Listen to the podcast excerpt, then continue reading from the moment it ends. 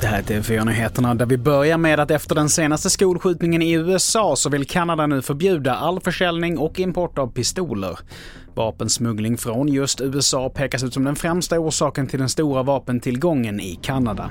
We're introducing legislation to implement a national freeze on handgun ownership. What this means is that it will no longer be possible to buy, sell, transfer or import handguns anywhere in Canada. Och det sa Kanadas premiärminister Justin Trudeau. Och idag så kom domen för den skjutning som inträffade i ett köpcentrum i Kristianstad förra året. Två personer döms till fängelse i 12 år respektive 6 år och 11 månader för mordförsök.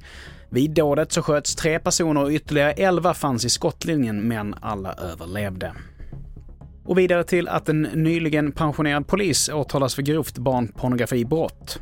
Mannen ska ha haft över 71 000 bilder och 120 timmar film och den åtalade ska ha erkänt brotten men hävdar att de inte är grova.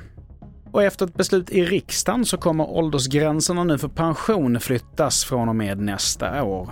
Då gäller 63 år för ålderspension och 66 för garantipension. Och detta är på grund av den ökade medellivslängden.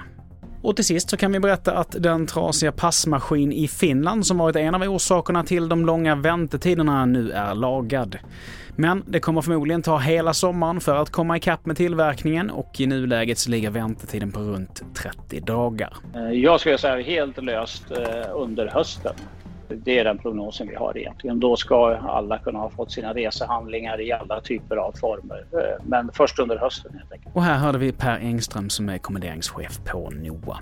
Fler nyheter det hittar du på tv4.se. Jag heter Mattias Nordgren.